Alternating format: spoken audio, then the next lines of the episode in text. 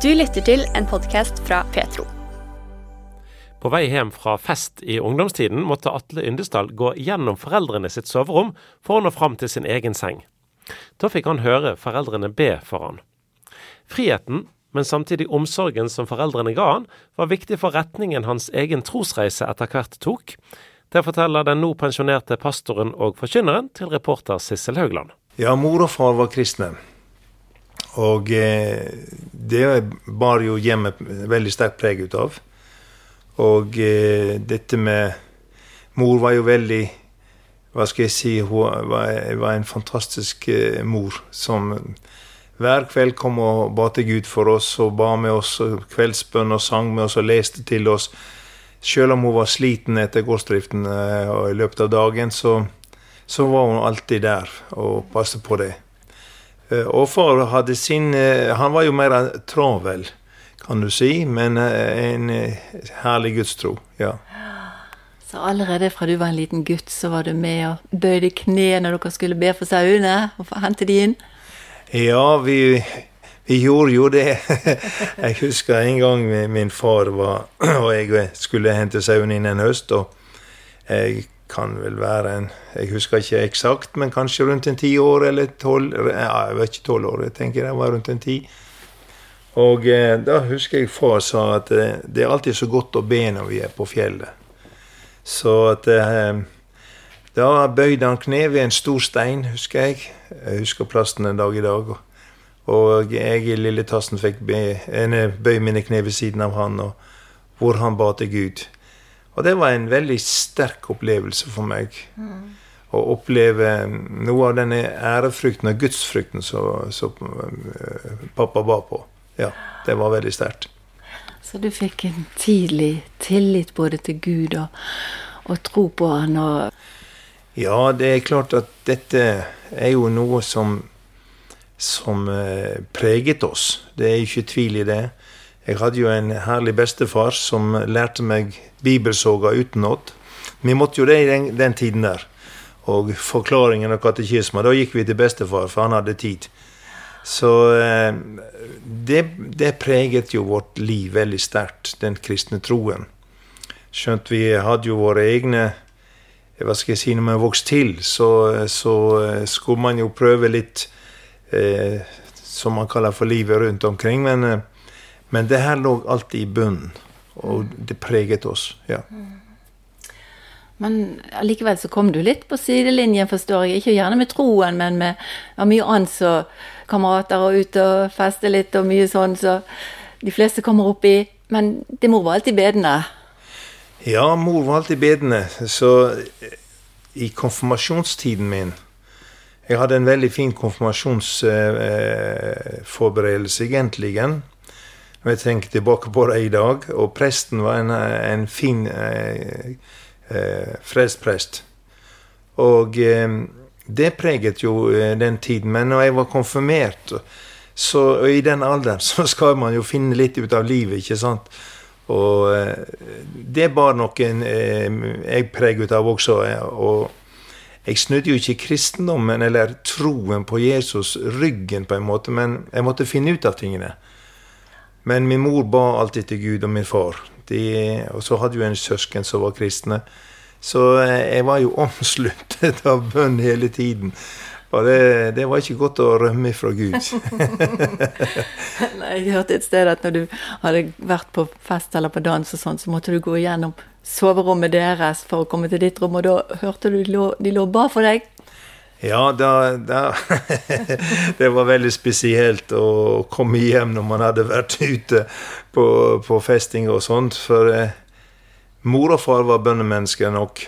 Og eh, når jeg da kom hjem, kanskje påvirket av alkohol og litt sånn her, så gikk jeg gjennom Jeg måtte det den gangen, å gå gjennom deres rom. Og da gikk jeg inn i en slags atmosfære av himmelen så jeg husker mange ganger jeg lå under dyna, jeg hadde nå kommet meg i seng og sa 'Jesus, du må ikke komme igjen før jeg er frelst'.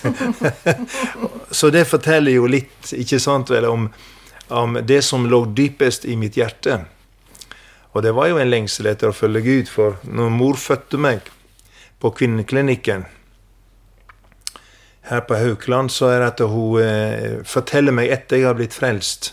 Hun brukte aldri dette som noe pressmiddel. Hun presset oss aldri inn i noe tro. Men hun levde sitt liv med Jesus, så attraherte det oss. Hennes liv med Gud gav oss ærefrykt.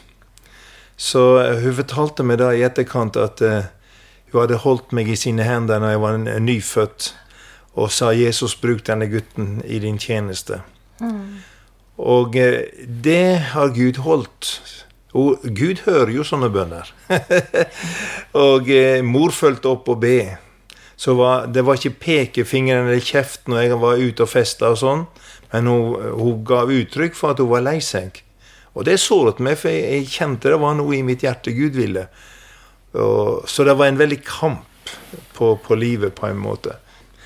Jeg skulle på dans den kvelden. Det var en påsken i 71. og jeg hadde jo avtalt med en eh, kamerat at uh, vi, han skulle ordne med bil da, og, og sånn. Og jeg gikk hjem. Mor hadde invitert meg på møte den kvelden. Men jeg likte jo korkje predikanten eller, eh, og tanken på å gå på møte. Så jeg var veldig tydelig med mor, husker jeg, at jeg skulle på dans. Hun sa ikke noe mer.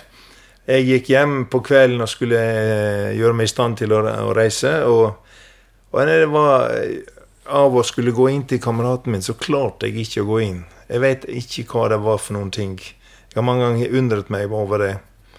Eh, så jeg ble gående på hovedveien og, og, og, og spasere. Og da kommer det en bil, og det var et, et vennepar av eh, mor og far som var på møte. Og mor hadde glemt eh, kassettspilleren sin den kvelden. Hun brukte alltid å ta opp møtene, så de kjørte hjem for å hente kassettspilleren. Og det eneste jeg kan tenke meg, dette var en himmelsk timing. Du tenker, jeg tenker litt på Peter når han satt på taket og det kom det plutselig noen og banket på døra. Han hadde hatt et syn. sant? Altså Det er noe med Når Gud griper inn, så gjør han det på en utrolig konkret og en herlig måte. Så de stoppet.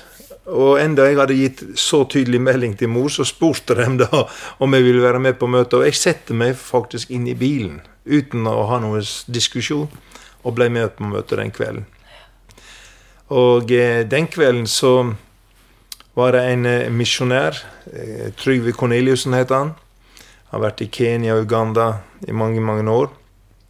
Han talte om Guds kjærlighet i Kristus på korset. Eh, det er det jeg klarer å huske igjen av budskapet, for det traff meg så til de grader. Guds kjærlighet til meg. At Gud elsket meg så utrolig høyt. Så jeg knakk jo litt i hop der og kjente jo Guds kall. For den vinteren så gikk jeg på skole ute på Sotra i Knarrevik. Og hadde jo, mor hadde jo sørget for at konfirmasjonsbibelen var med, naturligvis. Så jeg leste en god del i Bibelen og kjente at Gud kalte på meg den vinteren. Så da var jeg kommet til det øyeblikket da, da, da, Gud på en måte begynte å, å dra snøret inn. ja.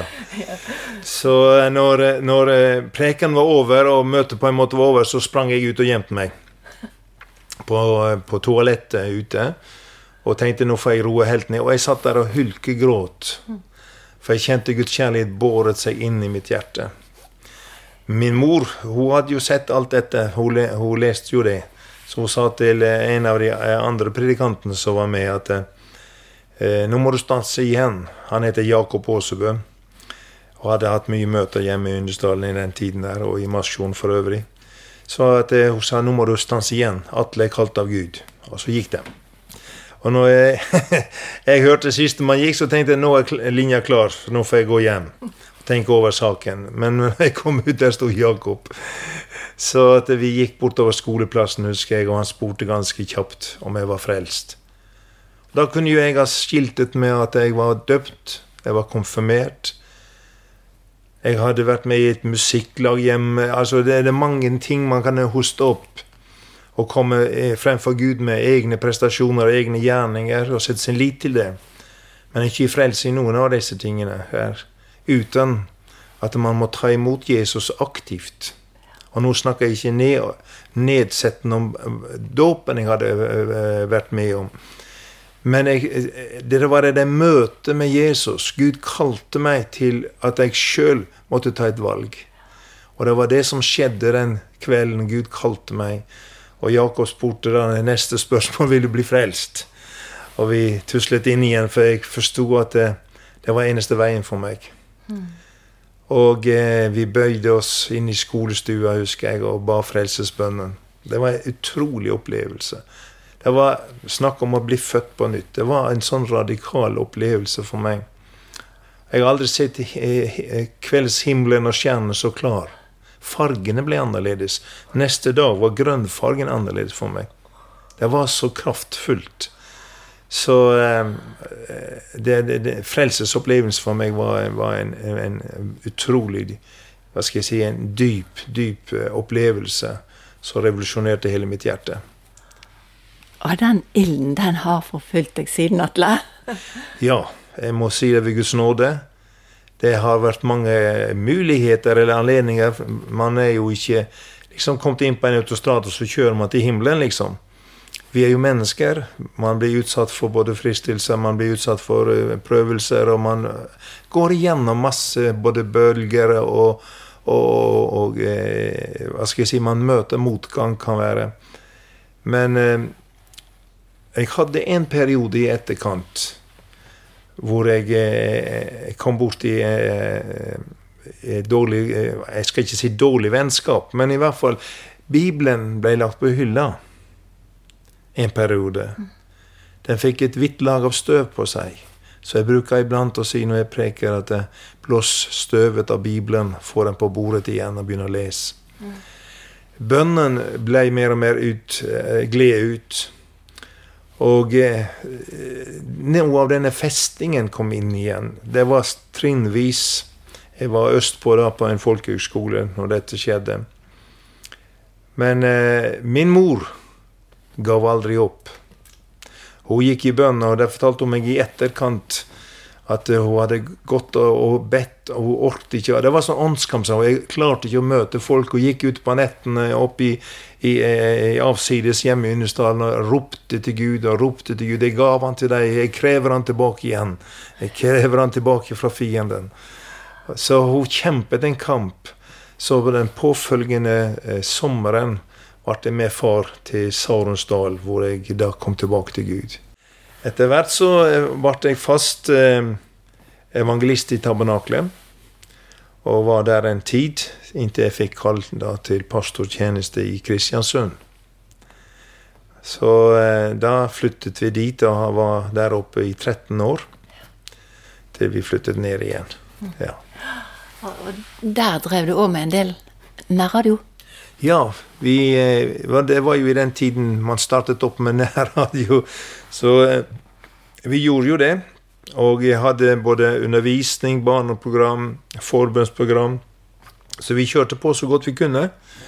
Og eh, det var en fantastisk opplevelse å få være med og, og gi ut evangeliet gjennom radioen. Og seinere så, så, bygde vi hus inne på Frei. Og da møtte jeg og bodde her, som fortalte at han hadde hørt på nærradioen og hadde ringt inn et bønneemne for guttungen som var syk, og han hadde blitt helbredet. Så det var jo veldig herlig å kunne få en sånn tilbakemelding. Ja. Men du, du, gikk ikke utenom det så mange Altså, du, du møtte veggen du òg en periode? Ja, det gjorde jeg. Eh, jeg jobba nok altfor hardt. Eh, ressursene var ikke så store. Og eh, jeg måtte etter hvert også ta meg en jobb ved siden av pastorgjerningen der oppe. Og da jobbet jeg dobbelt. 100% i menigheten og 100 i, i en mekanisk bedrift.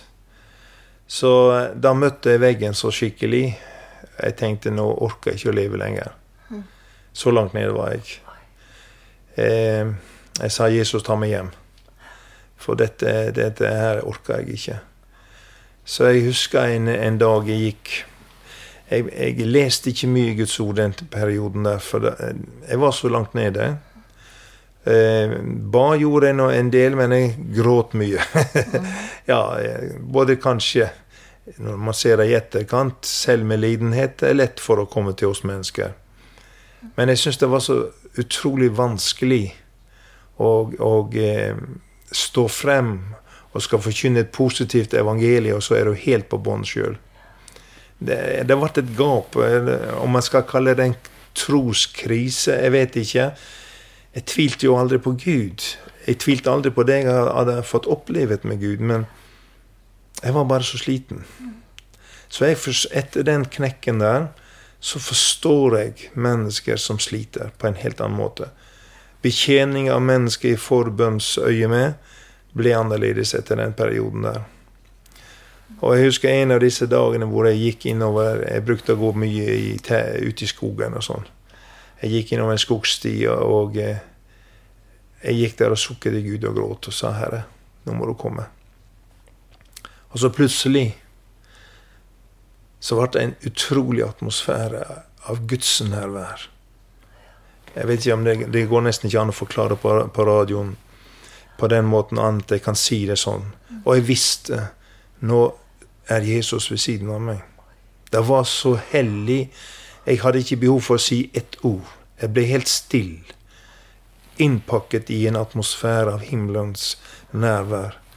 Og sånn gikk jeg innover kanskje en par hundre meter eller noe sånt.